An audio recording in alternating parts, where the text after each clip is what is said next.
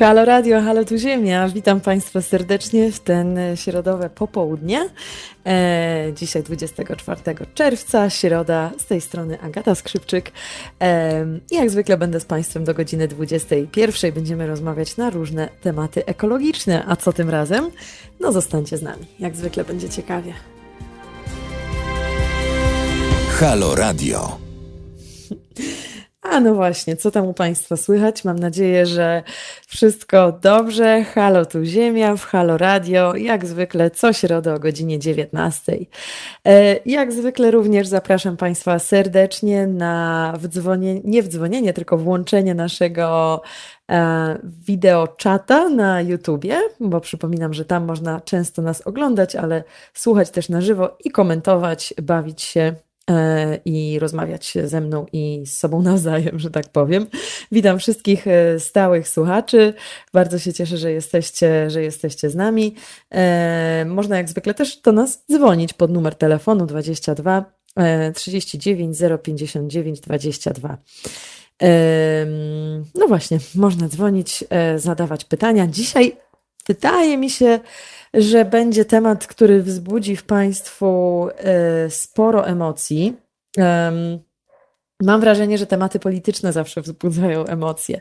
Ja zazwyczaj od tych tematów politycznych dosyć stronię, ponieważ mam wrażenie, znaczy nie mam wrażenia, jestem e, przekonana, że zagadnienia klimatu i energii są zupełnie apolityczne. Przede wszystkim klimat jest apolityczny. Daliśmy sobie politykom wmówić, że jest to kwestia um, podziałów politycznych, natomiast um, Zdecydowanie nie jest. Jest to kwestia praw człowieka, można powiedzieć, i rzeczy znacznie większej niż my sami. Więc Właśnie też z tego powodu zazwyczaj od polityki stronie, natomiast miałam, mam wrażenie, że dzisiaj jest e, dzień dosyć specjalny, ponieważ jest to ostatnia audycja Halotu Ziemia przed wyborami prezydenckimi, które będą miały już w niedzielę, w najbliższą niedzielę w naszym kraju. E, w związku z tym postanowiłam tą audycję właśnie też troszkę skoncentrować na tym. E, I razem z moim pierwszym gościem, który już po paru minutach się z nami zdzwoni, czyli z Dariuszem Szwedem, polskim dawnym, niegdyś politykiem, działaczem społecznym, ekonomistą, będziemy właśnie rozmawiać na temat tego, mm, jakie, jakie programy klimatyczne i energetyczne kandydaci na prezydenta w Polsce mają.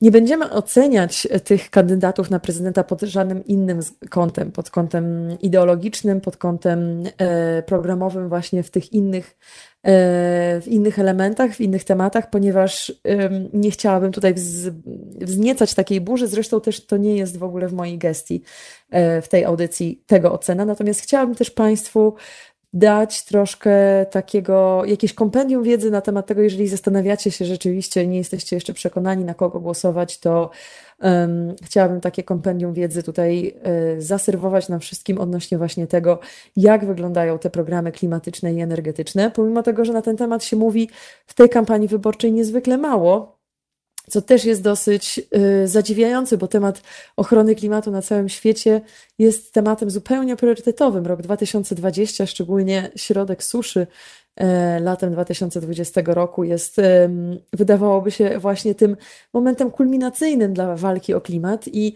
sama byłam pod ogromnym zdziwieniem, że ci kandydaci nie poświęcili więcej y, uwagi temu zagadnieniu ale z tego, co powiedzieli, e, z tych niektórych informacji programowych, można parę rzeczy wywnioskować i właśnie o tym będziemy rozmawiać. Jestem też bardzo ciekawa Państwa zdania na ten temat. Jak zwykle zresztą, a tutaj tym bardziej zachęcam do komentowania, do dzwonienia e, czy do, czy do pisania. E, tak, rozumiem, że część z Państwa ma już dosyć, e, ma przesyt polityki i napięcie związane z tym, domyślam się, szczególnie śledząc jakieś polskie mainstreamowe media, to wszystko jest dosyć wokół jednego tematu zrzucone, ale wydaje mi się też, prześledziwszy to, co się w polskich mediach na ten temat mówi, wydaje mi się, że rzeczywiście tym programom klimatycznym nie poświęca się jeszcze aż tyle uwagi. Więc e, jak zwykle, halo tu Ziemia, będziemy mówić o klimacie. Porozmawiamy też na temat tego, czy, um, czy musimy oczekiwać, znaczy musimy, oczywiście, że tak, ale czy oczekiwanie od prezydenta zmian klimatycznych jest naszym e, jedynym źródłem ratunku tutaj i w jaki sposób możemy sprawę wziąć w swoje ręce i jak zwykle staram się oddawać głos aktywistom, e, ludziom, którzy, którzy gdzieś tam się organizują wokół wspólnych działań na rzecz właśnie ochrony klimatu. I pod godzinie 20 połączy się też ze mną przedstawicielka ruchu Rodzice dla Klimatu. Parents for Future, rodzice dla przyszłości. Nie, rodzice dla klimatu, dobrze mówię. Parents for Future w języku angielskim i będziemy też rozmawiać o ich działaniach, więc myślę, że to będzie bardzo ciekawe. Chciałam Państwu jeszcze parę rzeczy przypomnieć. Przede wszystkim przypomnieć, że e, co tydzień w zasadzie audycje Halo Tu Ziemia mają bardzo ważną tematykę i mam wrażenie, że są bardzo, bardzo ciekawe i zawsze zachęcam i odsyłam Was do podcastów, które są na stronie pod.co łamane na Halo Radio, pisane razem. Tam się znajdują podcasty nie tylko moje, ale też wszystkich prowadzących z poprzednich audycji, więc jeżeli macie, wysłucha- macie ochotę wysłuchać chociażby zeszłotygodniowej audycji na temat energetyki wodnej i czemu nie jest dobra dla klimatu, to e, jak najbardziej odsyłam właśnie do tych, e, do tych, do tych podcastów tam na stronie. E, z drugiej strony również chciałam zapowiedzieć e, bardzo ciekawe wydarzenie dzisiaj w Halo Radio, w dalszym programie wieczornym. To to, że o godzinie 23 profesor Monika Płatek poprowadzi swoją premierową audycję w naszym radio. Ja jestem bardzo, bardzo dumna, że mam, e, że mam ten zaszczyt prowadzić audycję w tej samej rozgłośni radiowej, co pani profesor Monika Płatek, gdyż bardzo ją cenię i szanuję, więc zachęcam Was do maratonu haloradiowego dzisiaj wieczorem. E, no właśnie, widzę, że część tutaj z Was mówi, że na wybory nie idzie z powodu ich niekonstytucyjności. Jasne, co do tego można dyskutować, ale to po raz kolejny nie w tej, nie w tej audycji. Natomiast chciałam od razu właśnie wszystkim, wszystkich przekonać do tego, że pójście na wybory jest jedną z takich podstawowych, jedną, jednym z podstawowych działań, które możemy podjąć w celu, w celu ochrony klimatu, ponieważ jako obywatele musimy też wymagać zmian systemowych. Musimy, nie możemy tylko i wyłącznie polegać na sobie, moim, w moim przekonaniu, ale możemy, musimy wymagać zmian politycznych na poziomie politycznym i na poziomie systemowym i głosowanie, wybieranie kandydatów e, podług chociażby tego klucza klimatycznego jest jedną jednym z najbardziej podstawowych działań, które możemy tutaj podjąć. Dlatego jak najbardziej wszystkich zachęcam do tego. Jeżeli nie jesteście przekonani, na kogo głosować, jeżeli uważacie, że nie ma kandydata, który jest dla Was odpowiedni, to możecie kierować się właśnie tym kluczem klimatycznym i wybrać kandydata podług tego. E, jestem prawie pewna, że mm, Dariusz Szwed, który się za chwilę z nami połączy, zgodzi się ze mną w tym zakresie, ale zrobimy może chwilę przerwy muzycznej na piosenkę Igiego Popa, The Passenger i już po paru minutach e, słyszymy się z powrotem. To jest powtórka programu. Halo Radio. Gadamy i trochę gramy.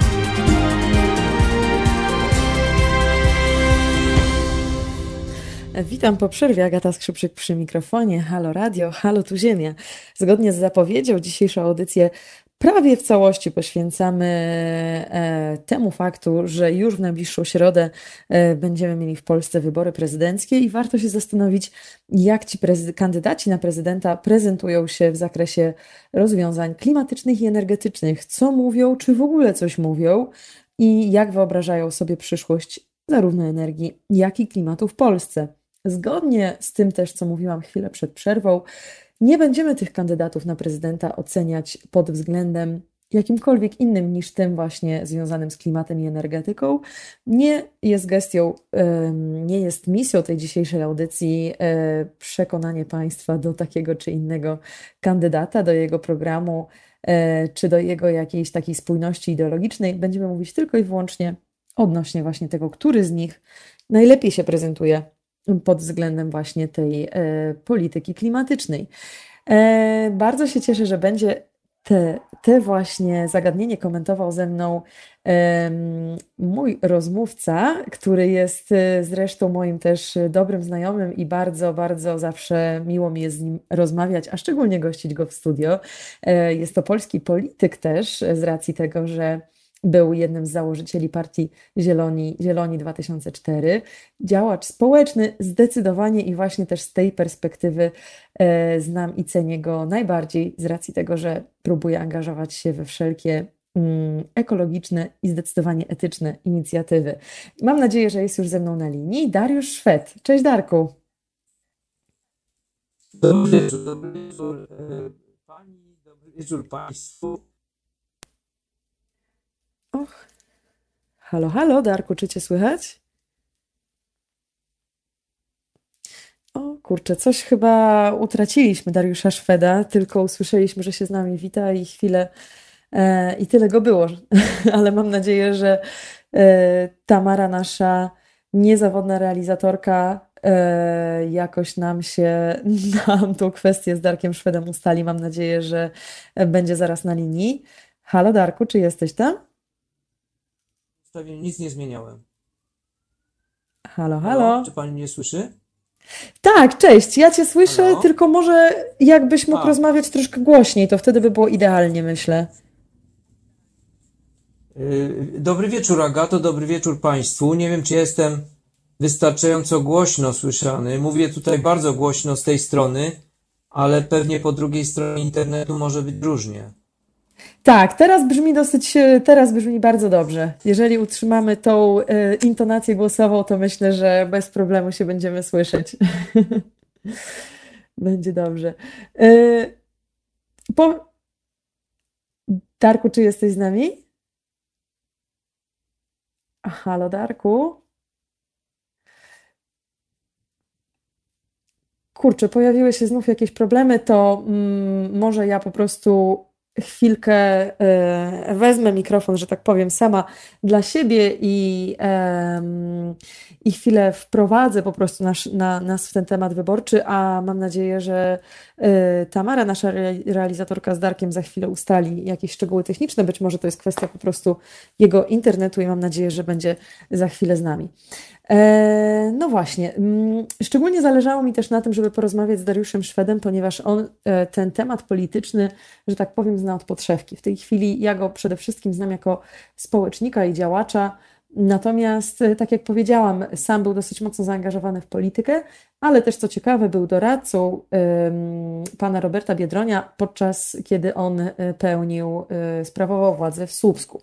I tam właśnie Dariusz Szwed, wtedy też się poznaliśmy, kiedy on był doradcą do spraw ekologicznych i energetycznych właśnie pana Roberta Biedronia. Więc można powiedzieć, że zna ten temat od, od podszewki, dlatego też jestem bardzo ciekawa jego zdania. No właśnie, nie da się ukryć, e, tak jak powiedziałam wcześniej, że zagadnieniom polityki klimatycznej kandydaci na prezydenta poświęcają niezwykle mało czasu. Jest to bardzo zadziwiające i nie za bardzo rozumiem, czemu tak jest, z racji tego, że tak naprawdę polityka klimatyczna i w ogóle to, w jaki sposób będziemy walczyć o planetę i chronić klimat, będzie warunkować jakiekolwiek inne tematy. Ciężko jest rozważać, oczywiście wiadomo, koszula bliższa ciału i czasami pewne rozwiązania, jak na przykład 500, czy, czy różne inne zagadnienia społeczne, mogą się wydawać dla nas ważniejsze z racji tego, że, e, że są to rozwiązania, których efekty możemy zauważyć zdecydowanie szybciej. Jednak ciężko jest mówić o jakiejś ciągłości państwa, o ciągłości funkcjonowaniu polityki, jeżeli nie zapewnimy sobie odpowiedniej, e, odpowiedniej strategii ochrony klimatu, a co za tym idzie również odpowiedniej strategii ochrony, e, nie ochrony, tylko polityki energetycznej. Bo jeżeli, e, jeżeli klimat, jeżeli zmiana klimatu będzie postępować w takim tempie, w jakim ona postępuje, to wszelkie inne tematy w którymś momencie odejdą trochę na bok, ponieważ kryzys klimatyczny po prostu zepchnie nas do, no, gdzieś tam nas zepchnie do parteru, że tak powiem, i będziemy musieli się zajmować zupełnie innymi rzeczami. Dlatego uważam, że temat polityki klimaty, klimatycznej powinniśmy traktować jako priorytet. I ym, no właśnie, ciekawe jest też to, że prezydent Duda podczas jednego ze, swojego, ze swoich dosyć ostatnio zresztą sławetnego wiecu wyborczego powiedział, że takich programów ochrony środowiska i powietrza, jak pojawiły się za jego rządów, jeszcze wcześniej w Polsce nie było. I tak w ten sposób się y, odnosił do, do aktywistów z, z Młodzieżowego Strajku Klimatycznego, którzy na jego wiec wyborczy przyszli z, z transparentem, a co z klimatem, i to była jego odpowiedź na to. Ale oczywiście internet, jak i zresztą my wszyscy nie zapominamy, i ciężko jest zapomnieć jego słowa y, z końca 2018 roku, kiedy podczas swojej bardzo znanej wypowiedzi powiedział, że mamy zapasy węgla na 200 lat i trudno byśmy z niego zrezygnowali, skoro to nam zapewnia bezpieczeństwo energetyczne. Więc to już był pewien przedsmak tego, co, tego, co ówczesny prezydent myśli w kwestii klimatu.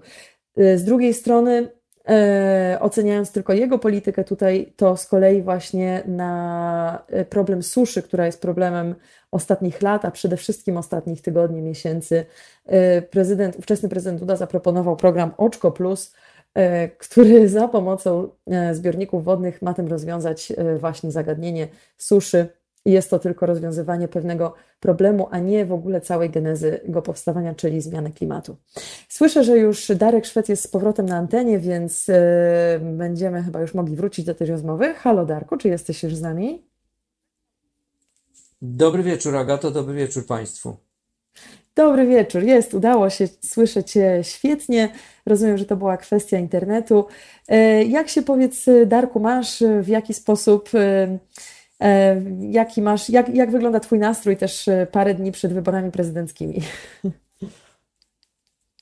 Jestem, pozdrawiam Państwa, Ciebie i Państwa z Krakowa, miasta, z którego pochodzi e, obecnie dwóch liderów wszelkich rankingów prezydenckich wyborczych, ponieważ zarówno pan obecnie mm, piastujący tę pozycję prezydent y, Duda, jak też y, najmocniejszy, jak się wydaje, z różnych rankingów mm, kontrkandydat y, Rafał Trzaskowski. Obaj urodzili się w Krakowie, a ja miałem jeszcze tak trochę prywatnie, aczkolwiek też jestem osobą publiczną mm, po części, o czym wspominałaś, będąc politykiem, zielonym politykiem, bo, bo, bo przez lata taką właśnie zieloną politykę w Polsce promowałem i promuję, y, miałem mm, sposobność y, chodzenia do tego samego liceum, co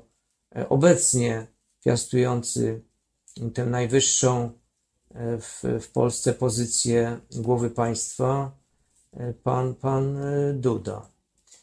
I no kiedy wspomniałaś o tym, że będziemy rozmawiać o polityce klimatycznej, polityce energetycznej, to wydaje mi się, że ważne jest, jeżeli rozmawia, rozmawiamy o ekologii, spojrzenie na to bez granic. W tym mianowicie sensie, że Polska zawsze była, w sensie geograficznym jest nadal, e, i tego żadna polityka nie zmieni w Europie.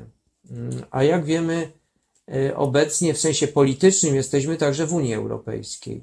I w mhm. tym sensie jestem głęboko przekonany, że ostatnie e, lata pokazują, że ta tak zwana właśnie zielona polityka staje się polityką e, tak zwanego mainstreamu Unii Europejskiej, ponieważ to właśnie przewodnicząca Komisji Europejskiej, czyli w pewnym sensie można powiedzieć taki, taka szefowa europejskiego rządu,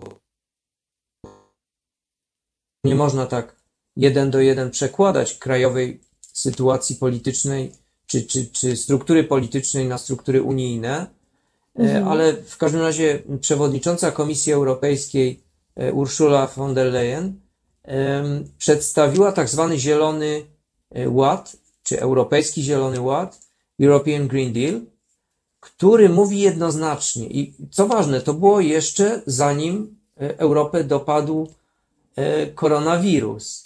Zanim e, wszyscy zostaliśmy zamknięci w tych lockdownach w poszczególnych mhm. krajach, zanim zamknęliśmy wszystkie granice pomiędzy sobą, zarówno te e, narodowe, ale też te takie bardziej lokalne, przestaliśmy się ze sobą spotykać, przestaliśmy funkcjonować w przestrzeni publicznej tak jak do tej pory. Ale co ważne, Ursula von der Leyen już wcześniej, przed koronawirusem, wskazywała, że Zielony Ład, e, czyli Green Deal, jest e, swoistym kołem zamachowym takiej nowej e, modernizacji Unii Europejskiej, wskazując między innymi na to, że Europa potrzebuje więcej demokracji, więcej równości, także równości kobiet i mężczyzn, że musi być kontynentem bardziej etycznym, E, moralnym w tym sensie, że współodpowiedzialnym za globalną wioskę. Mówiąc mhm. inaczej, nie możemy czekać na to, e, co zrobią Afrykańczycy czy Afrykanki, czy Azjatki, Azjaci, a szczególnie, bo na nich patrzymy chyba teraz e, dość często, Chinki i Chińczycy, czy e, mieszkanki i mieszkańcy e, Indii, tych dwóch największych globalnych krajów, ale musimy pokazać sami, że jesteśmy nie tylko bogaci w sensie finansowym, w sensie ekonomicznym, ale że też jesteśmy solidarni, że jesteśmy etyczni. I to jest ciekawe, mhm. dlatego że bodaj dwa lata temu miałem przyjemność słuchać premiera mm, Szwecji na spotkaniu w Sztokholmie. Sala pękała w szwach i ten powiedział rzecz dla mnie do dziś taką, która powoduje, że ciarki po plecach mi przechodzą. Mianowicie powiedział, że y, przeciwdziałanie zmianom klimatu jest naszą etyczną odpowiedzialnością. Przypominam, powiedział to premier szwedzkiego rządu. Mhm. Nie jakiś e, aktywista e, czy aktywistka e, Greenpeace'u, czy, czy nawet Partii Zielonych szefowa w Szwecji, bo tam szefuje tak. partii kobieta, mhm. ale powiedział to szef rządu. Mhm. I to spotkało się z mojej strony z takim dość niedyplomatycznym zachowaniem, bo po prostu wybuchnąłem entuzjazmem, zacząłem klaskać. Była cisza na sali. Więc w pewnym sensie Szwed wywołał małą rewolucję w Szwecji. E, I co ciekawe, pan premier dosłownie kilka razy w późniejszej swojej wypowiedzi odwoływał się do mnie, wskazując, że ten młody człowiek, nie wiem, chyba do końca nie widział e, rzeczonego klakiera, bo ja już, y, o czym ty wiesz, ale może państwo nie wiecie, ja już jestem 53-latkiem, w związku z tym nie jestem aż tak młody, ale na pewno popieram młodzieżowe strajki klimatyczne, popieram wszelkie e, działania mm, organizacji społecznych, e, szczególnie tych organizacji społecznych, które mówią, nie okradajcie nas z przyszłości w kontekście właśnie zmian klimatu. Mm -hmm. I w tym mhm. sensie mogę powiedzieć, że jestem nie tylko solidarny z młodymi osobami, ale no w pewnym sensie jestem też młody. Więc to jest ciekawe, że zobaczcie Państwo, za, zaledwie rzut beretem, bo e, w czasach komunizmu niektórzy nawet e, przy pomocy materaca próbowali do Szwecji przepłynąć. Oczywiście, przepraszam, to taki trochę E, e, suchy, suchy już żarcik, ale, ale Szwecja jest bardzo blisko w sensie e, geograficznym, ale spójrzmy, jak daleko jest w sensie politycznym. Bo spójrzmy na tak. przykład, jak często i jak dziwnie w sprawie klimatu wypowiadają się, wspomniałaś prezydenta Dudę. Nie wiem, bo akurat było nasze połączenie przerwane, czy wspominałaś o tym, że mówił, że węgla mamy na 200 lat podczas szczytu klimatycznego w Katowicach. Nie wiem, czy Agato o tym wspominałaś. Tak, faktycznie wspomniałam o tej wypowiedzi, ale nie, nie dałam tego kontekstu, że faktycznie to było podczas szczytu klimatycznego, oczywiście, więc tak, tak, masz rację, jak najbardziej. A to jest ciekawe, dlaczego, dlaczego to jest ważne? Dlatego, że na tej sali, e, w której, nie, przypomnę, premier Szwecji do pękającej w szwach sali mówi, że to jest nasz etyczny obowiązek, a prezydent na globalnym forum, klimatycznym, gdzie siedzą ludzie, którzy są właśnie zalewani przez podnoszące się e, e, morza i oceany, gdzie siedzą ludzie, którzy uciekają na przykład jako, jako klimatyczni E, migranci czy, czy uchodźcy, na przykład przed suszą, ale także przed konfliktami zbrojnymi wywoływanymi na przykład wojną o ropę, ten mówi do tych ludzi. Tak. Mamy węgla mhm. na 200 lat. Takie, powiem, bardzo niesolidarne, bardzo takie, no powiedziałbym, ekstremalnie niedyplomatyczne, ale także nieetyczne. Dlatego, tak. dlatego, że powinniśmy jako społeczeństwo, i co ważne, moim zdaniem tak jest, bo było takie badanie, nie wiem czy pamiętasz to, ale Kantar zrobił w Polsce badanie w grudniu ubiegłego roku, gdzie okazuje się, że Polki i Polacy w w 80 bodaj ponad 80% popierają e, Zielony Ład, popierają Tak. politykę klimatyczną, taką ambitną.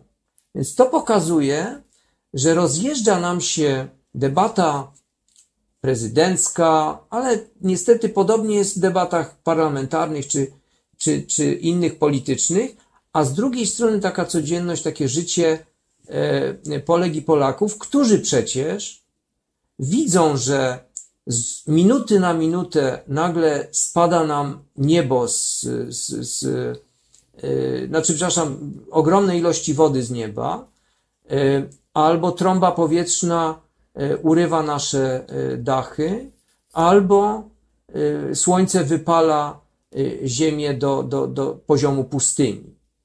Tak. No właśnie, ale ym, to, co wspomniałeś, jeszcze chciałabym się odnieść do, do paru rzeczy, o których powiedziałeś, że to wystąpienie prezydenta Dudy y, właśnie z tego, to sławetne z 2018 roku y, z, ze szczytu klimatycznego, pokazuje też brak takiej e, współodpowiedzialności za nasz klimat. Jest y, nadal granie tylko do swojej bramki i granie tylko na swoim podwórku. Zupełnie tak jak, tak jak wspomniałeś na początku, zapominanie, że e, klimat granic zupełnie nie zna i nie zna zupełnie polityki. Jest mu zupełnie, zupełnie te zagadnienia są obce. I też y, przywołałeś temat Szwecji. Ja często bardzo o polityce szwedzkiej w kontekście klimatu mówię. I co mi się też to bardzo podoba, że y, pani prezydent, prezydentka miasta Sztokholm jest, y, pochodzi, wywodzi się z partii, z partii konserwatywnej. U nas te podziały polityczne raczej wskazywałyby na to, że taka polityczka musiałaby e, gdzieś tam być mniej nastawiona na politykę klimatyczną. Taka, tak się u nas gdzieś tam e, to przyjęło w polskiej polityce. Natomiast właśnie tam w Sztokholmie e, klimat jest zupełnie, polityka klimatyczna i energetyczna jest nie, nieuwarunkowana przynależnością polityczną właśnie polityków miasta. Tylko ta strategia jest kontynuowana niezależnie od tego, z której partii politycy, polityczki rządzą. I tego w ogóle mam wrażenie, znaczy nie mam wrażenia, raczej jestem pewna, że tego w Polsce nie ma. Dlatego też myślę, że tak ważne jest przyjrzenie się, y, przyjrzenie się programom y, wyborczym w zakresie klimatu właśnie naszym kandydatom na prezydenta. Czy one jakąkolwiek ciągłość y, tutaj gwarantują? Bo myślę, że tak naprawdę to jest właśnie najważniejsze. Tak jak też wspomniałam w poprzedniej przerwie, nie chcia, w poprzednim e, chwilę zanim się z nami połączyłeś, nie chciałabym tych kandydatów oceniać pod, pod innymi względami ideologicznymi, bo też uważam, że Mhm. jeżeli o klimat nie zadbamy, to tak naprawdę niewiele innych tematów y, będzie się liczyć, bo ciężko będzie dyskutować na temat ym, rozwiązań polityki rolnej czy, e, czy polityki społecznej, jeżeli będziemy przechodzić przez ogromny kryzys klimatyczny, z którym, który będzie warunkował każdy inny aspekt naszego życia. Zgadzasz się ze mną w tym, w tym zakresie? Absolutna zgoda. Polityka gospodarcza, społeczna jest uwarunkowana polityką ekologiczną, czyli polityką klimatyczną. W tym sensie, że tak jak nie ma gospodarki bez społeczeństwa szczęśliwego, społeczeństwa równościowego, społeczeństwa współpracującego, solidarnego, bo po prostu ta gospodarka nie jest w pewnym sensie naoliwiona tym naszym szczęściem, tak samo nie można sobie wyobrazić szczęśliwych ludzi, którzy nie mają dostępu do drzewa czy do szklanki czystej wody. Już nie mówiąc o hauście czystego powietrza. I mówię to do Państwa z Krakowa, który przypomnę, i świetnie, że wspomniałaś o roli miast. Od ubiegłego roku w tym mieście, w moim mieście, bo jestem także urodzonym Krakusem, choć z wyboru jestem e, e, globalnie za, zaangażowany, e, to tutaj po raz pierwszy w Polsce powiedziano, zakazujemy palenia węglem i innymi paliwami stałymi. Czyli to, co w polityce krajowej e, stanowi w wyborach prezydenckich taką linię demarkacyjną. Dlatego, że tylko dwóch kandydatów, i to jest e, obecnie urzędujący prezydent e, Andrzej Duda oraz e, kandydat e, ultraprawicowy, pan Bosak, tych dwóch kandydatów jednoznacznie broni status quo, czyli mówi tak, Tak. Węgiel jest podstawą naszej gospodarki. Co po pierwsze nie jest prawdą, e, bo węgiel jest podstawą tylko części tej gospodarki. To tak jakby powiedzieć, że wszystko z węgla. No nie, przecież jest wiele rzeczy, które nie wymagają tego węgla, żeby je wyprodukować. Na przykład meble, którymi notabene pan Duda także się chwali co jakiś czas na różnych forach międzynarodowych i paradoksalnie y, energetyka w Polsce walczyła przez jakiś czas y, z meblarstwem, kradnąc w pewnym sensie y, lasy, czyli spalając je absurdalnie w, w, w kotłach węglowych, żeby wyprodukować fikcyjną zieloną energię. Mówię zieloną w cudzysłowiu, a jednocześnie przemysł meblarski protestował, mówiąc: oddajcie nam nasze lasy, dlatego że zrównoważone leśnictwo jest nam potrzebne po to, żebyśmy mogli produkować zrównoważone produkty, jakimi mogą być trwałe meble. To samo dzieje się między rolnikami i, i, i energetyką. Zobaczcie Państwo, zobacz Agato, co się dzieje w Wielkopolsce Wschodniej. Tam jest już klasyczna wojna pomiędzy energetyką a rolnictwem. Mało, doszło w pewnym momencie do scysji pomiędzy dwoma ministrami, ministrem rolnictwa e, e, i, i ministrem e, energetyki, którzy forsowali zupełnie inne wizje tego regionu. Oczywiście Mhm. minister energetyki odkrywki węgla brunatnego, przypomnę, najbardziej emisyjnego i najbardziej, przepraszam za taki kolokwializm, syfiastego, no może, może przesadziłem z tym słowem, w każdym razie najbardziej brudnego paliwa, jeśli chodzi o Tak. wytwarzanie energii elektrycznej, a z drugiej strony, proszę Państwa, pojedźcie sobie na, na, y, y, do, do Wielkopolski Wschodniej. Noteć na długości 50 kilometrów jest już tylko śladem po Noteci. Nie ma rzeki. Jest tylko koryto puste, tam nie ma w ogóle wody.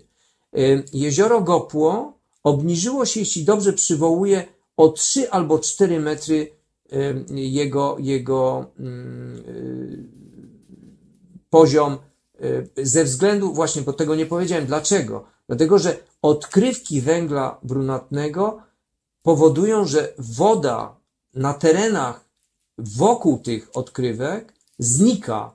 Po prostu obniża się lustro y, wody. Zatem mówiąc, że mamy węgla na 200 lat, to prezydent Duda nie był tylko y, nieempatyczny wobec innych krajów, innych społeczeństw. Był nie tylko nieekologiczny, ale po prostu był nieracjonalny w kontekście wielu sektorów gospodarki, takich jak rolnictwo, jak transport, jak budownictwo e, i tak dalej, i tak dalej, które wymagają także zrównoważonej gospodarki, takiej zielonej gospodarki, dlatego że tylko w ten sposób mogą zapewnić sobie ciągłość na przykład produkcji. Już nie mówiąc o tym, że o czym wspomniałaś, Agato, jeżeli doprowadzimy do zmian klimatu, które będą uderzały w ludzi, a ludzie to przypomnijmy konsumenci, to te wszystkie fabryki, które będą produkowały różne y, usługi, różne towary, nie będą miały po prostu komu tego sprzedać.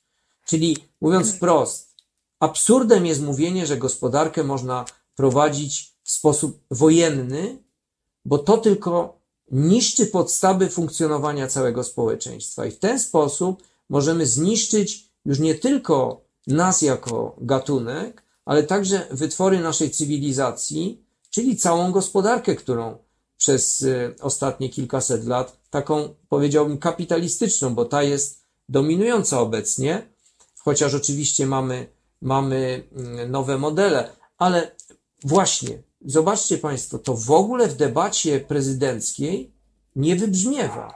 Podczas gdy na przykład w Stanach Zjednoczonych, kiedy byłem, miałem okazję uczestniczyć w, w jakby tej debacie w sensie, w sensie jako, jako widz, e, na przykład debaty prezydenckiej w Stanach Zjednoczonych, tam kluczowym tematem były e, globalne wyzwania dla Stanów Zjednoczonych w kontekście Chin, w kontekście zmian klimatu, w, w kontekście e, zanieczyszczenia środowiska. I tam widać było, że ten temat bardzo mocno wybrzmiewa, podczas gdy my w debacie w TVP, kompletnie kuriozalnej, jeśli dobrze przywołuję, dyskutowaliśmy na temat y, przygotowywania do Komunii Świętej na religii w szkole. No błagam. Aha.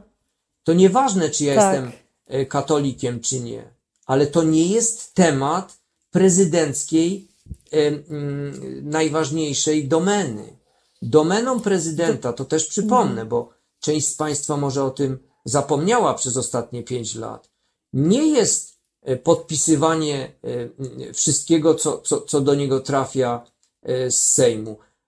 Domeną prezydenta jest wyznaczanie pewnych kierunków rozwoju kraju, pokazywanie także obywatelkom i obywatelom, co się myśli właśnie o zmianach klimatu, o polityce bezpieczeństwa, o solidarności europejskiej i tak dalej, i tak dalej.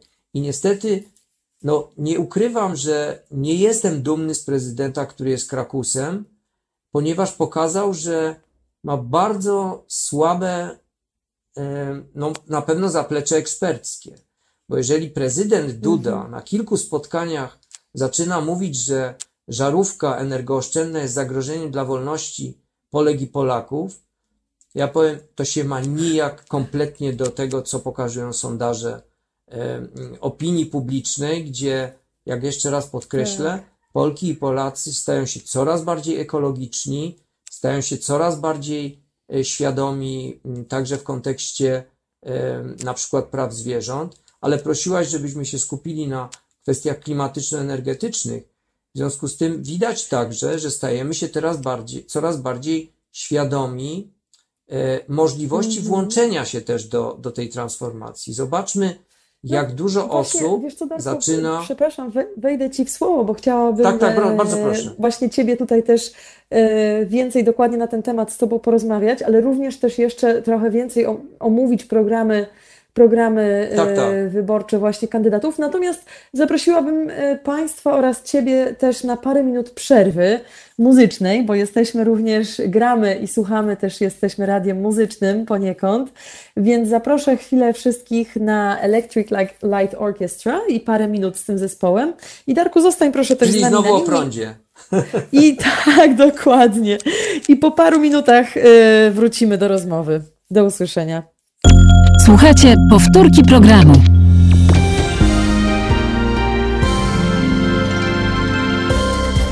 Halo Radio. Pierwsze medium obywatelskie.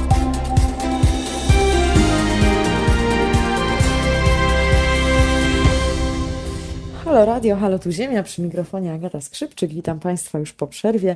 E, Ze mną na antenie Dariusz Szwed. Rozmawiamy zdalnie przez specjalną aplikację do tego i rozmawiamy dzisiaj o przyszłości klimatycznej, energetycznej w Polsce w kontekście zbliżających się wyborów. No właśnie, może byśmy trochę, Darku, też więcej na ten temat powiedzieli. E, mówiliśmy już o różnych wpadkach ówczesnego prezydenta Andrzeja Dudy, który faktycznie w swoim e, programie wyborczym, pomimo tego, że dosyć niewiele poświęca uwagi kwestiom klimatu, to mówi o dalszym konieczności dalszego utrzymania węgla, ewentualnie rozszerzenia go o atom i OZE. I nie mówi też nic na temat dołączenia Polski do Zielonego Ładu Unii Europejskiej, który to też akurat jest bardzo ważnym zagadnieniem, ponieważ od tego, czy do tego Zielonego Ładu dołączymy, zależy ostateczna kwota wsparcia na sprawiedliwą transformację energetyczną w naszym kraju.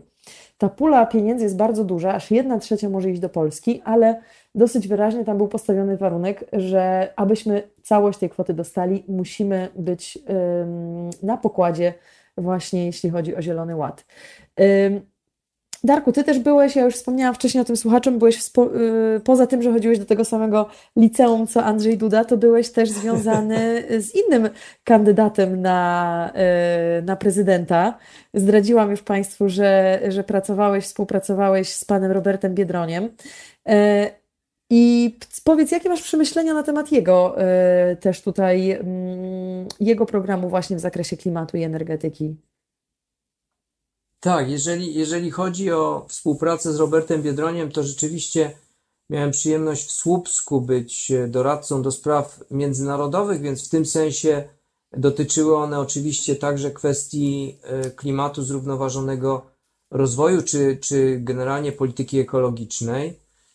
I tu taki jeden chyba dość istotny temat, który moglibyśmy porównawczo pokazać, to jest kwestia odejścia od węgla.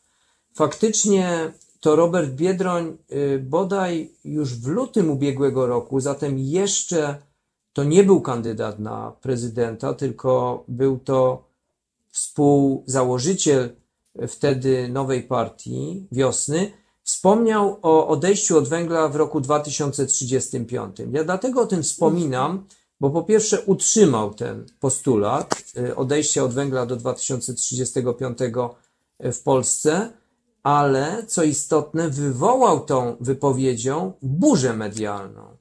Y, właśnie między innymi ze strony wtedy jeszcze nie, nie kandydujących polityków, ale także tych, którzy teraz w tym wyścigu biorą udział. I jeżeli pozwolisz, to y, może, bo wiem, że kandydatów jest więcej, ale mhm. jest sześciu takich kluczowych. Można powiedzieć, tak. że tych, którzy no, w pewnym sensie liczą się e, w tym wyścigu. I e, tak. tu ważne jest to, że dwóch kandydatów, czyli wspomniany właśnie Robert Biedroń 235, czyli 2035 oraz Rafał Trzaskowski 2040, E, tak. Mówią obaj o odejściu od węgla e, stanowczo. Kolejnych dwóch to jest Władysław Kosiniak-Kamysz i Szymon Hołownia. Oni też mówią o odejściu od węgla, natomiast oni mówią o dacie 2050 roku. I to jest czterech kandydatów, których na pewno łączy to, że to, co pozwolę sobie powiedzieć, że ja od lat już o tym mówię, Mianowicie, że Polska nie tylko, że odchodzi od węgla, ale że era e, odnawialnych źródeł energii, czy zielonej energii e, w Polsce już się zaczęła. I to, to mhm. tych czterech kandydatów widać, że nie tylko mówią, że musimy odejść od węgla, ale mówią także, że przy odchodzeniu od węgla priorytetem musi być e, energetyka odnawialna. Ja jeszcze tylko podpowiadam, efektywność energetyczna, ponieważ to jest też kwestia wspomnianej na samym początku solidarności i równości, na przykład tego, żeby nie wykluczać w tej transformacji osoby ubogie. A to mhm, oznacza tak. w Polsce szczególnie bardzo ważny postulat, bo Polska jest w Unii Europejskiej krajem o bodaj najwyższym poziomie e, ubóstwa energetycznego, tak zwanego ubóstwa energetycznego. Czyli mówiąc wprost, najwięcej osób, obywatelek, obywateli naszego kraju, Polek i Polaków, nie stać na takie, no, opłacanie różnych usług energetycznych, opłacanie rachunków za energię, płacenie za paliwo i tak dalej, i tak dalej. Czyli to są te, ci, ci kandydaci. Wspomniany przez Ciebie Andrzej Duda rzeczywiście mówi o utrzymywaniu kluczowej roli węgla, nie mówi do kiedy, E, nie wiadomo, czy to dalej chodzi o te 200 lat do przodu. No i najbardziej, powiedziałbym, nieekologicznym, najbardziej odbiegającym od, od, od tego e, głosu Zielonego Ładu jest e, kandydat, ten ultraprawicowy, pan, pan Bosak, który mówi wręcz o utopii odejścia od węgla. Mówi, że nie, nie można sobie wyobrazić świata bez węgla. No, powiem wprost tak trochę tak. złośliwie, że słaba wyobraźnia, panie, panie kandydacie, bo świat bez węgla 200-300 lat temu funkcjonował i, i, i robił różne rzeczy, a wtedy tak. jeszcze przed pierwszą, tak zwaną pierwszą rewolucją przemysłową, w ogóle paliwa kopalne nie były używane do napędzania globalnej gospodarki.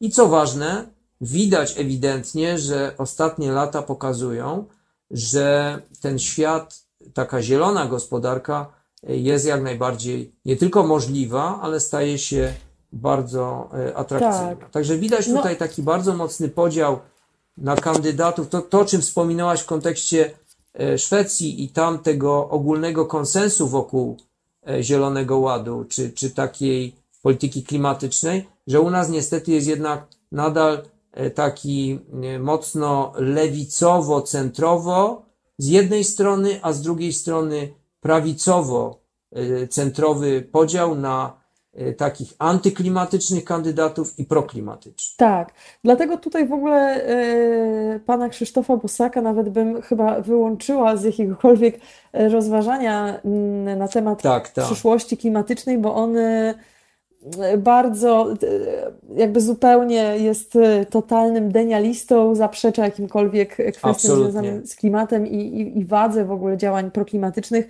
Też jako jedyny wyraźnie mówi, że mm, sprzeciwia się właśnie dołączeniu do Zielonego Ładu. No, można to Zielonego samo Ładu. powiedzieć o prezydencie Dudzie jednak na podstawie jego działań dotychczasowych. Więc tutaj zdecydowanie e, Krzysztof Bosak nie jest jakimkolwiek kandydatem, który by wspierał działania klimatyczne, ale powiedziałeś o tym, bo to też Zgadzam jest się z. Tobą, tylko musimy politycznie, bo rozmawiamy także politycznie, w sensie Tak. o polityce. Musimy na to zwracać uwagę, dlatego że y, żółte kamize, y, ruch żółtych kamizelek y, przecież nie, Macron nie był prezydentem prawicowym, był raczej centrowo-lewicowym prezydentem, czy jest bardziej centrowo takim liberalno-lewicowym prezydentem, a ruch żółtych kamizelek był ruchem antyprezydenckim w tym sensie, że podejście prezydenta Macrona do polityki klimatycznej było wtedy niewłaściwe. Po prostu nie zważał na wykluczenie ludzi. I to jest ważne, bo przypomnij mi, przepraszam, bo to jest trochę wątek jakby równoległy, ale Francja jest naszym ważnym partnerem, jeśli chodzi o Unię Europejską, na przykład w trójkącie weimar, weimarskim. Zauważmy, że natychmiast, kiedy Macron zobaczył, że wywołał e, totalną wojnę e, taką na ulicach e, miast francuskich, ogłosił, że we Francji zostanie przeprowadzony tak zwany klimatyczny panel obywatelski, w którym uczestniczyło miliony e, ludzi, zgłaszało swoje pomysły i one zostały przez 12 miesięcy przedyskutowane e, i właśnie niedawno e, ten panel e, został podsumowany. Między innymi jednym z postulatów tego panelu, który został e, zgłoszony, jest zmiana konstytucji Francji Mhm. i to nie w tym kierunku, w którym często proponują nam prawicowi politycy Prawa i Sprawiedliwości, czyli takim bardziej konserwatywnym, e, antyeuropejskim, e, nacjonalistycznym, ale w kierunku e, właśnie globalnym, bo tam mówi się, żeby wpisać ochronę klimatu do powinności państwa. Czyli widać ewidentnie, że budzi się także na poziomie nie tylko Unii Europejskiej, tej ponadnarodowej, ale także niektórych państw narodowych, takich na przykład jak Francja, takie poczucie, że polityka klimatyczna jest racją stanu, e, jedną z najważniejszych racji stanu e, republiki, w tym wypadku francuskiej, czy też e, praw człowieka, co, Mhm, jak wiemy, we mhm. Francji ma swoją historię. Tak, tak, tak. Tak. Y, No właśnie, ale jeszcze wracając tutaj do tego, chciałam zwrócić uwagę jeszcze na tą jedną rzecz, o której ty wspomniałeś, y, wracając y, parę minut wstecz, do, do tej daty odejścia od węgla, bo myślę, że to jest też kluczowe i do tych Tak. może też kwestii podziałów klimatycznych, bo dla mnie trochę y, politycznych. Dla mnie dosyć Tak. sporym zaskoczeniem jest tutaj kandydat Szymon Hołownia, z racji tego Mhm. właśnie, jak dużą uwagę poświęcił w swoim programie zagadnieniom e, klimatu i energii. Wydaje mi się, że to też jest, e, że jest silny wiedzą swoich doradców, że tak powiem, bo wybrał sobie rzeczywiście e, fachowców e, na doradców e, właśnie w zakresie klimatu i energii. I mam wrażenie, że, że, Tak. że tym, dzięki temu też tak dużą uwagę temu poświęca. Natomiast mm, i tak to mnie dziwi właśnie pozytywnie. Natomiast dziwi mnie też ta data, którą zarówno właśnie Hołownia, jak i, jak i Władysław Kosiniak-Kamysz ustawili na odejście Polski od węgla, ten 2050 rok. A przypominam, że jeżeli byśmy chcieli być na pokładzie e, z Unią Europejską w kierunku Zielonego Ładu Europejskiego, to do 2050 roku musielibyśmy już osiągnąć neutralność klimatyczną. I te rzeczy muszą następować jednak tak. tak, te rzeczy muszą Tak. następować jednak y, kolejno, jedna po drugiej, gdzieś tam ym, Absolutnie. Y, po kolei i nie możemy zakładać, że ta data 2050 roku będzie datą graniczną dla tych wszystkich działań. To jest zupełnie niemożliwe, nierealne, żeby to w takiej perspektywie czasowej miało się idealnie zgrać. E, więc nadal jest to za późno, myślę. Nawet jeżeli właśnie chociażby Szymon Hołownia faktycznie bardzo ma rzeczowy ten swój program e, klimatyczny, to, to nadal myślę, że te cele są zbyt mało ambitne tam postawione. I nie ma chyba z przykrością stwierdzam kandydata, który by tak. faktycznie y, postawił klimat y, i energię wokół, w centrum swojego, swojego programu. Niestety, niestety y, jest to pewne rozczarowanie, że, że, że takiego kandydata tutaj po prostu nie ma. To prawda, w pewnym sensie tę lukę wypełniają media takie jak nasza dzisiejsza rozmowa, w tym sensie, że to media często na przykład organizują debaty prezydenckie podczas e, wyborów. No i już pozwoliłem sobie na ocenę debaty w TVP, która była kuriozalna moim zdaniem w kontekście właśnie e, energii i klimatu, bo się po prostu ten tak. temat tam praktycznie w ogóle nie pojawił. Tak. A to oznacza, że jeżeli on się nie pojawia w debacie prezydenckiej kandydatów, bo nie ma tam kandydatki, więc tu muszę powiedzieć kandydatów, e, wszystkich e, e, przedstawicieli wszystkich grup, to oznacza, że manipuluje się w pewnym sensie społeczeństwem. To to słynne stwierdzenie jeszcze wtedy nie prezesa TVP, ale późniejszego prezesa TVP, ciemny lud to kupi, no to jest taka tak. y, zagrywka, którą media prawicowe grają wszędzie, na całym świecie. W Stanach Zjednoczonych jest to widoczne, y, widzimy to y, w Europie, choć w Europie mamy po prostu mocniejsze media, bo jakby społeczeństwo obywatelskie jest też tam dużo bardziej osadzone w, w takiej demokratycznej procedurze. Więc w tym sensie można powiedzieć, że ta nasza debata prezydencka jest y, w dużym stopniu y, zmanipulowana różnymi rozgrywkami. A to ktoś wrzuci y, wojnę tęczową, a to ktoś inny wrzuci jakiś właśnie temat inny poboczny, a ty sama wspomniałaś, że nie będzie dyskusji o żadnym temacie, jeżeli się nie przydyskutuje i nie uzgodni wspólnie dla całego społeczeństwa transformacji proklimatycznej, bo mówiąc no tak bardzo wprost do, do naszych słuchaczek i słuchaczy, wiemy wszyscy, że bez e, czystej wody do picia, czy bez e, powietrza do oddychania, czy wręcz e, szerzej bez środowiska, które nas otacza, czyli na przykład jeżeli nam wyschnie pole, na którym chcieliśmy wyprodukować żywność, no to niestety nas nie będzie. I tu przyroda się nie będzie, e, mówiąc tak kolokwialnie, cackała, tylko po prostu nas mm. zabije. E, znaczy my się mm. sami zabijemy, ale w tym sensie, że zmiany klimatu po prostu uderzą w nas ogromną siłą. Więc w tym sensie wydaje mi się, że ta mm, dyskusja. Aha, bo jeszcze wspomniałaś o Władysławie Kośniaku, Kamiszu i, i, i Szymonie Hołowni. Moim zdaniem oni obaj y, mówią o tym 2050 z tego względu, że y, to jest taka trochę pozycja negocjacyjna. Oni wprawdzie niczego nie negocjują z Komisją Europejską, ale ja bym to widział w kontekście tego, że toczą się negocjacje y, przy zielonym stole, można powiedzieć, Zielonego Ładu w Unii Europejskiej. I w tych negocjacjach, przypomnijmy, często prezydenci biorą udział nie tylko mhm. premierzy, ale też zdarza się w, w, przy różnych stołach zasiadają także prezydenci. Ich rola jest różna, no bo wiadomo, na przykład rola prezydenta w Polsce jest y, raczej słaba. To nie jest bardzo mocna pozycja, taka jak na przykład jak w Stanach Zjednoczonych, gdzie y, prezydent stoi na czele rządu, ale może budować pewien klimat, nomen omen.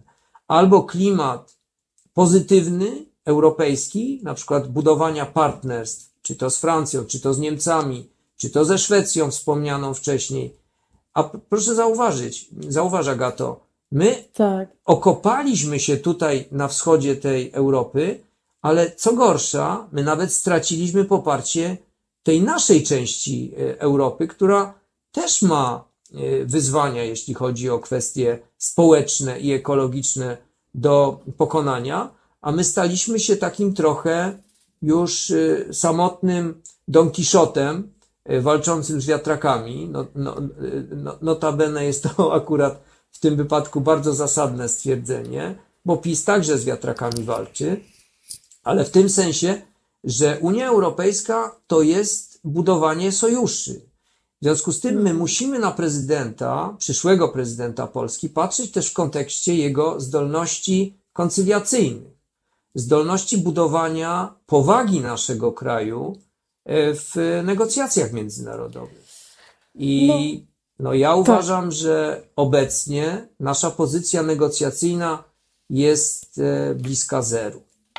My straciliśmy wszystkie argumenty, albo inaczej, powiem to troszeczkę inaczej. Wybacz, że tak długo, ale dosłownie jedno zdanie.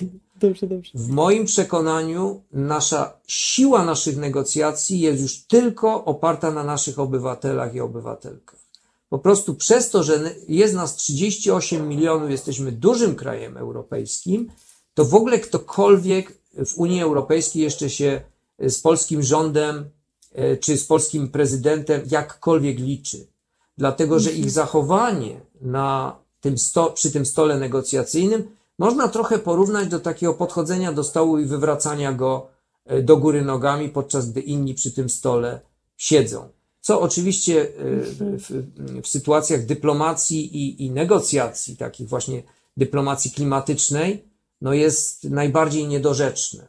Bo tak. wspomniałaś o tym, na stole jest, przypomnę proszę Państwa, 260 miliardów euro rocznie.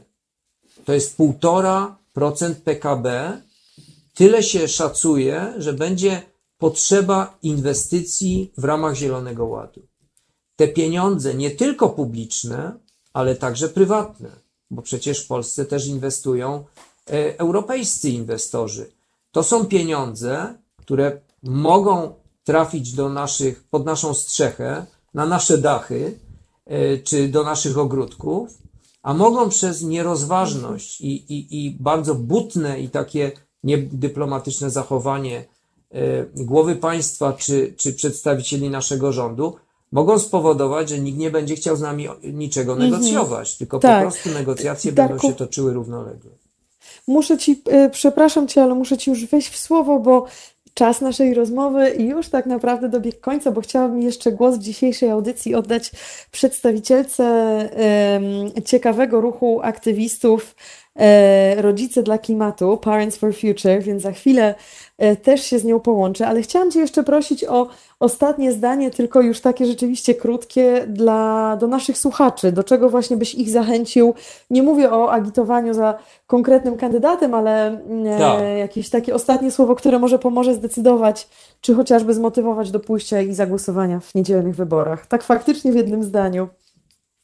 Proszę Państwa, wybierzmy klimat tym sensie, że ktokolwiek zostanie prezydentem, aczkolwiek chciałbym, żeby to był prezydent którego opisywałem przed, przed, przez cały program e, w tych pytaniach, które mi zadawałaś. Chciałbym, żebyśmy to my byli najważniejsi, my obywatelki, obywatele, i w tym sensie, że niezależnie od tego, kogo wybierzemy wspólnie jako naszego prezydenta, to będziemy musieli w pierwszy dzień, natychmiast o dziewiątej rano, zacząć, mówiąc, mówiąc kolokwialnie, deptać po piętach każdemu kandydatowi, Y, który będzie głową naszego wspólnego dobra, jakim jest Polska, państwa, y, żeby ten dbał o nasz wspólny klimat i o naszą wspólną przyszłość. I bardzo serdecznie pozdrawiam rodziców dla klimatu i dzieci tychże rodziców dla klimatu oraz Ciebie, Agato, bardzo dziękuję Ci za zaproszenie do programu. Super. Dziękuję Ci serdecznie również za udział w tej rozmowie. Bardzo Ci dziękuję i mam nadzieję do usłyszenia i do zobaczenia. Absolutnie dziękuję Ci bardzo. Jestem do dyspozycji. Dziękuję i wszystkiego dobrego Państwu życzę i jak najlepszego klimatu. Do usłyszenia. Bardzo fajnie, bardzo fajnymi słowami Dariusz Szwed się z nami pożegnał właśnie tym, że już następnego dnia w poniedziałek powyborczy będziemy musieli deptać temuż właśnie prezydentowi po piętach, mm, żeby zagęścił ruch w działaniach klimatycznych, więc faktycznie ułatwmy sobie wybór i wybierzmy, wybierzmy kandydata, który ma kwestie ekologiczne, klimatyczne, energetyczne na, w, w większym poważaniu. Rzeczywiście, rzeczywiście sobie tą pracę ułatwmy. I zaproszę teraz tak, teraz może najpierw zrobimy parę minut przerwy z Kings of Leon, e, bardzo fajną piosenką Use Somebody i już po chwili wracamy do innego tematu, ale nadal podobnego, połączymy się właśnie z pewną aktywistką. Także zostańcie z nami na linii, za parę minut jesteśmy z powrotem. To jest powtórka programu.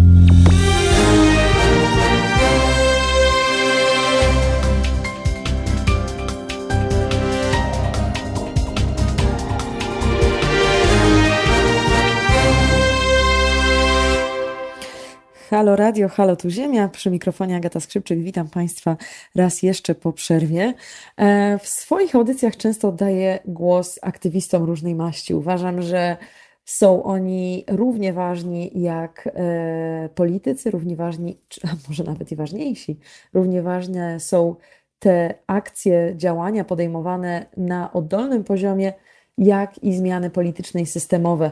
E, często w moich audycjach y, mówimy o strajkach młodzieżowych, o młodzieżowym strajku klimatycznym, o Extinction Rebellion, które zresztą zbiera ludzi w każdym wieku, bo to nie wiek jest tutaj akurat oznaką jakichkolwiek działań i zaangażowania. Natomiast często mówimy o tym najmłodszym pokoleniu, które może, które może tą sytuację klimatyczną odwrócić i faktycznie o pokoleniu, które rośnie już w innej świadomości klimatycznej. Ale z przyjemnością też chciałam dzisiaj Państwu przedstawić inny ruch, ruch rodziców, którzy również ich świadomość klimatyczna jest na niezwykle wysokim poziomie i mają podobną motywację do swoich działań, czyli chcą zapewnić po prostu przyszłość e, naszej Ziemi, naszej planety dla swoich dzieci. To jest dla nich największa troska i, e, i myślę, że ta narracja powoduje również, motywuje bardzo dużo osób do, do działań i do podejmowania właśnie takiej aktywistycznej, e, aktywistycznej przygody, że tak powiem. I właśnie bardzo, bardzo się cieszę, że jest ze mną przedstawicielka e, ruchu e, Rodzice dla Klimatu, Parents for Future, czyli dosyć tak przewrotnie e, zinterpretowane, zinterpretowana nazwa Fridays for Futures, innych strajków klimatycznych. E, I mam nadzieję, że już na antenie jest ze mną pani Dorota Herman. Dzień dobry Pani Doroto. Tak, dzień dobry, witam Państwa, witam Panią. Dzień dobry, dzień dobry. Bardzo się cieszę, że, że zgodziła się Pani na udział tej, w tej audycji. E, rozumiem, że sama jest Pani rodzicem z racji tego, że właśnie reprezentuje Pani ten ruch, tak? Czy... Tak, jestem mamą, mam dwóch wspaniałych synów. E, no i przyłączyłam się do ruchu Rodzice dla Klimatu, żeby po prostu walczyć o przyszłość dla nich i dla być może moich wnuków, żeby jednak e, miały te warunki e, klimatyczne i ten komfort życia, jaki my mieliśmy. No właśnie, no to ciekawe, bo rzeczywiście nie wiem, zresztą nie ma znaczenia tutaj akurat ten nasz wiek, czy nasza przynależność jakaś pokoleniowa, ale faktycznie myślę, że ten nasz komfort życia za dzieciaka, że tak powiem, wynikał trochę też z tego, że te kwestie klimatyczne nie były po prostu jeszcze w świadomości społecznej. I to warunkowało ten, ten pewien komfort, w którym żyliśmy. A tutaj um, domyślam się, że pani dzieci wychowują się w zupełnie innym świecie, jeśli chodzi o tą świadomość. Czy, czy obserwuje Pani też ich zainteresowanie tym tematem? Nie wiem, w jakim wieku one są, ale czy, czy widzi Pani, że, że w tym pokoleniu też ta świadomość klimatyczna jest już trochę inna? Tak, moje dzieci są w wieku nastoletnim. E, syn e, młodszy zdawał maturę. Natomiast widzę u młodzieży bardzo dużą świadomość, y, jeżeli chodzi o zmiany klimatyczne i bardzo się z tego cieszę. Mm, czasami zdarza się tak, że wiedza y, dzieciaków jest większa od tej, którą my posiadamy. Oni naprawdę się tym interesują i naprawdę się tym przejmują i naprawdę chcą, żeby zachodziły zmiany na szczeblu systemowym, żeby w przyszłości również i oni mogli założyć rodziny i również i oni mieli komfort y, życia y, y, taki, jak, jak, jak znają, bo ta katastrofa klimatyczna właściwie już się dzieje. Już obserwujemy zmiany, które do tej pory były no, właściwie w filmach tylko. W tym roku mieliśmy bezśnieżną zimę w Polsce, co nigdy do tej pory się nie zdarzało. Tak. E, tak, susza niesamowita. W Skierniewicach w kranach zabrakło wody. Ja myślę, że kiedy bezpośrednio dotykają nas takie zjawiska, e, to wtedy dopiero zdajemy sobie tak naprawdę sprawę, że to już się dzieje. I żadne dyskusje i rozmowy w tej chwili i debatowanie to naprawdę już powinno zejść na e, plan dalszy, a powinniśmy zacząć działać. I młodzież to widzi. Młodzież wzywa do działania. Mhm. No właśnie, a jakie są postulaty rodziców w takim razie? Powiedziała Pani o tej motywacji, która, która stoi za Waszymi działaniami, a jakie są e, postulaty Waszego ruchu? Y, no, ruch Rodzice dla Klimatu y, właściwie powstał, żeby wesprzeć y, młodzieżowy strajk klimatyczny, stwierdziłyśmy tutaj z innymi rodzi- e, stwierdziliśmy z innymi rodzicami, że no nie możemy młodzieży pozostawić samej sobie, muszą mieć w nas wsparcie, zarówno też logistyczne, jak i takie duchowe. Oni wiedzą, że mogą na nas liczyć, więc są pewniejsi siebie i pewniejsi tego, co robią. I generalnie wspieramy ruch młodzieżowy strajk klimatyczny ale oczywiście działamy tutaj też, jeżeli chodzi o e, naciski e, na zmiany systemowe. 4 e, mhm. czerwca złożyliśmy w kancelarii premiera petycję, która wzywa polskich polityków i polski rząd do przystąpienia Polski do celu neutralności klimatycznej Unii Europejskiej, bo jak wiadomo, Polska jako jedyny kraj jakby wyłamała się z tego celu, co nas bardzo zmartwiło, bo e, przyszłość gospodarki opartej na węglu i na paliwach kopalnych, e, no to nie jest żadna przyszłość. Mhm.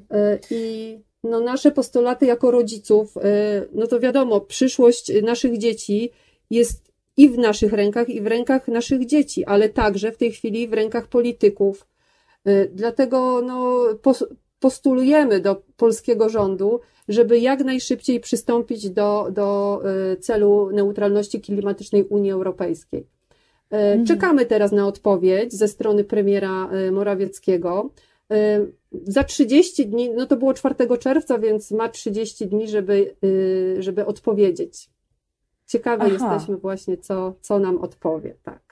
A rozumiem, czyli wystosowali Państwo po prostu oficjalny, oficjalny komunikat, oficjalne zapytanie do tak. prezesa Rady Ministrów i teraz czekacie jeszcze na odpowiedź. Rozumiem.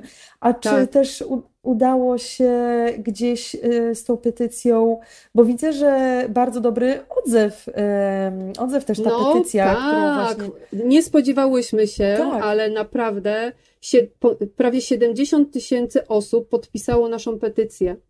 Y, zakładając, że są to rodzice, ale również y, dziadkowie, y, no to jest naprawdę bardzo, widać, że bardzo wiele osób interesuje się tym tematem i no, uważa, że to jest ważny temat i że rzeczywiście polski rząd powinien potraktować tą sprawę priorytetową.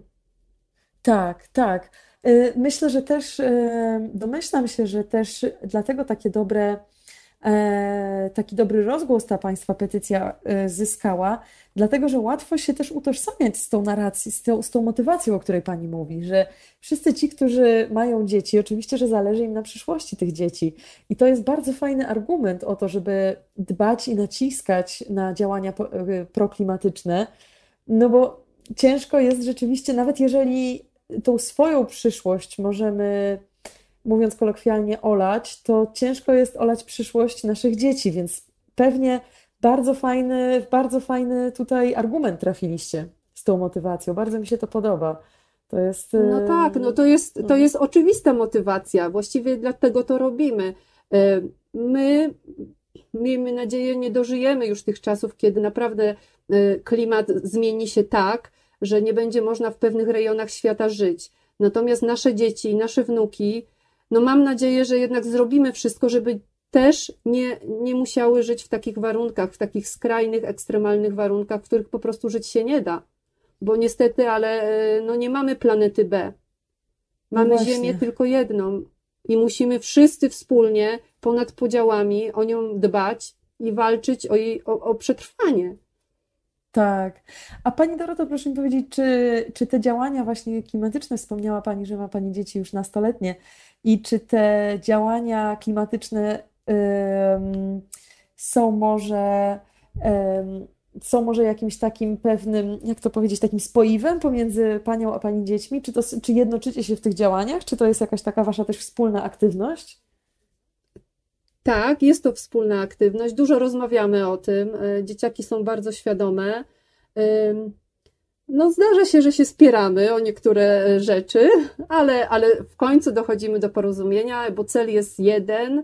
E, Cel jest jeden, e, żeby po prostu działać dla klimatu, działać, zmieniać nastawienie społeczne też, edukować, rozmawiać z innymi osobami, z dziadkami na przykład i też im Mhm. tłumaczyć, interesować też innych, bo no wiadomo, e, nie do wszystkich osób e, ta informacja trafia. Nie każdy zdaje sobie jeszcze sprawę z tego, co się dzieje. Natomiast e, Mhm. no, myślę, że myślę, że tak, że współpraca rodziców z dziećmi jest bardzo ważna i, i dialog przede wszystkim. No i też zachęcać, zachęcamy nasze, nasze dzieciaki do działania i wspieramy. Super, super. A jakie są Wasze w takim razie kolejne kroki? Czy macie jakieś też y, cele na przyszłość y, ustalone? Może w zależności od tego, jaki odzew ta petycja uzyska, ale czy też jakieś może kolejne, kolejne działa, działania już planujecie w tym zakresie? No, oczywiście mamy bardzo dużo pomysłów i planujemy już kolejne działania, e, bo na początku września e, ubiegłego roku złożyliśmy też petycję na ręce zarządu e, PGE, którą podpisało troszkę mniej osób, ale też bardzo dużo, bo 10 tysięcy. E, I zwracamy, Mhm. się, zwracamy e, się w niej na konieczność ograniczenia emisyjności elektrowni Bełchatów. Byliśmy zaproszeni już na dwa spotkania. Niestety elektrownia Bełchatów odwołała spotkania, więc cały czas tutaj e, jakby e, staramy się, żeby do tego spotkania doszło. No chcemy poznać, e, no wiadomo, elektrownia Bełchatów jest największym trucicielem i emitentem CO2 w Europie, a my żyjemy tutaj blisko i no niestety chcemy poznać strategię, jaką ma elektrownia. E, No, niestety, ale musimy odejść od gospodarki opartej na paliwach kopalnych, w tym węglu, ale no wiadomo, że bez energii nie da się żyć w czasach współczesnych. Więc no, potrzebna jest strategia, jak jednocześnie odchodzić od węgla, a z drugiej strony e, produkować zieloną, czystą energię. Y, I będziemy tutaj właśnie lobbowały, y, żeby, żeby no, dowiedzieć się, jakie są plany, tak? Jakie, jaka jest strategia ele- elektrowni. E, Super, No i te, super. także mamy pomysły na dużo, na dużo działań edukacyjnych i, i takich y, angażujących coraz więcej osób w działalność klimatyczną. Mhm.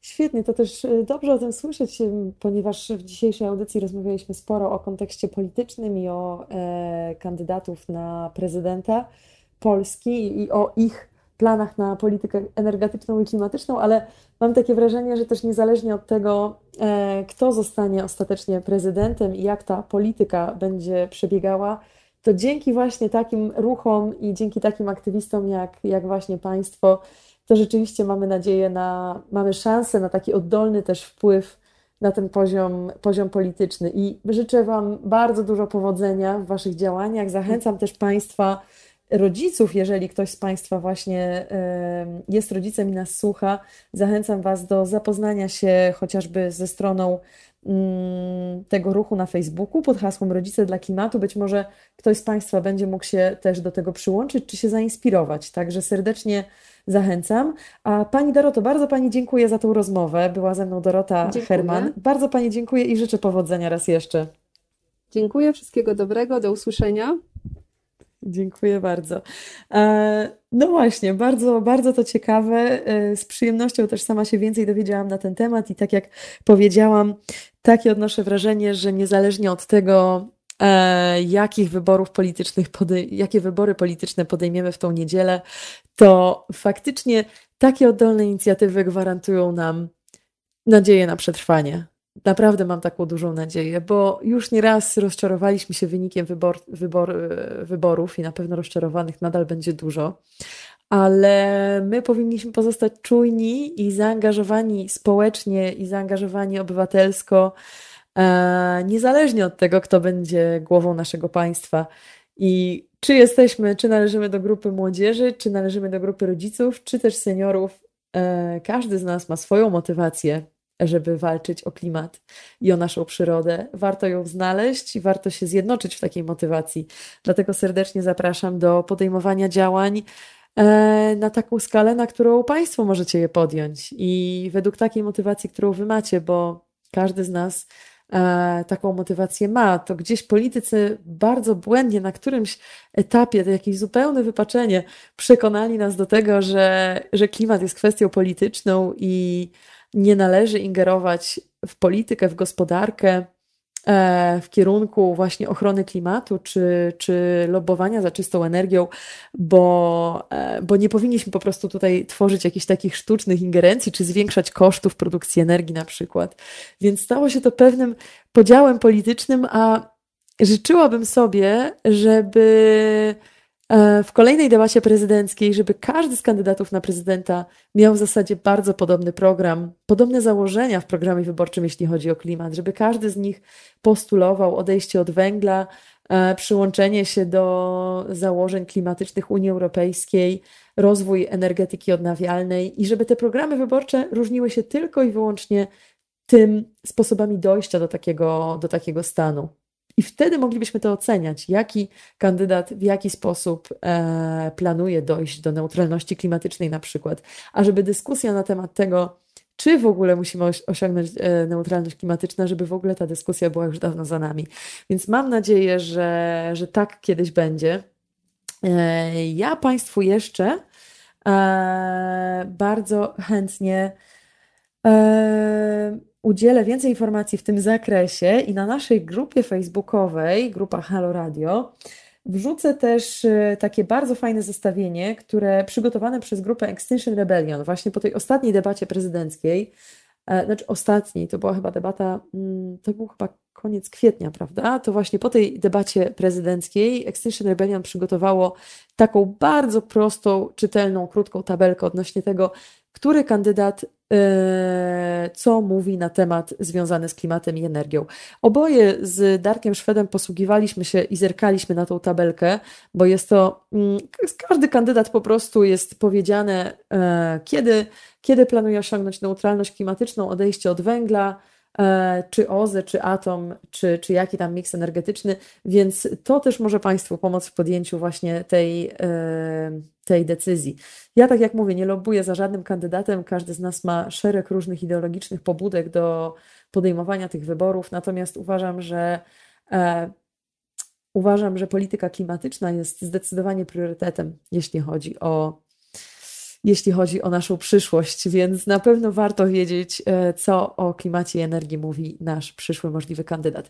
Niezależnie od tego, na kogo Państwo chcą głosować, to proszę Was bardzo, idźcie na wybory, bo nawet jeżeli uważacie, że nie ma na kogo głosować, to chociażby właśnie w tym zakresie klimatycznym ci kandydaci się od siebie różnią. I każdy z nich ma inny program, i jestem pewna, że któryś z tych programów klimatycznych jest Wam bliższy lub dalszy. I chociażby to jest ten klucz podejmowania wyborów. Więc jeżeli nie planowaliście iść na wybory, to proszę, proszę chociażby dla mnie i dla tej audycji, idźcie e, i zagłosujcie właśnie na taki program wyborczy, który jest bliższy Waszej wizji e, ochrony klimatu. To jest świetny klucz, jeżeli brakuje Wam innego. E, serdecznie Państwu dziękuję za udział w tej audycji. E, moimi gośćmi był najpierw e, polityk, działacz społeczny w zakresie ekologii Dariusz Szwed, a później Dorota Herman, przedstawicielka ruchu Rodzice dla Klimatu. Jeżeli nie mieliście okazji wysłuchać tej audycji w całości, to serdecznie Zapraszam e, do odsłuchania podcastu na stronie pod.co, łamane na Halo Radio pisane razem. E, I zachęcam Was również do zostania oczywiście z nami na, e, w Halo Radio dłużej dzisiaj, bo już za chwilę profesor Kowalczuk będzie prowadził swoją audycję, a później o godzinie 23 Mm, premierową audycję będzie miała profesor Monika Płatek, więc e, zróbcie sobie maraton z Halo Radio. A my się słyszymy w kolejnej audycji Halo Tu Ziemia, już w kolejną środę o godzinie 19. Życzę Wam wszystkim bardzo dobrego, wy... Mm, bardzo dobrego wyboru, chciałam powiedzieć. Przede wszystkim dobrego wyboru w niedzielę, zmotywowania się i pójścia na wybory i również dobrego wieczora dzisiaj. Do usłyszenia już za tydzień. Pozdrawiam.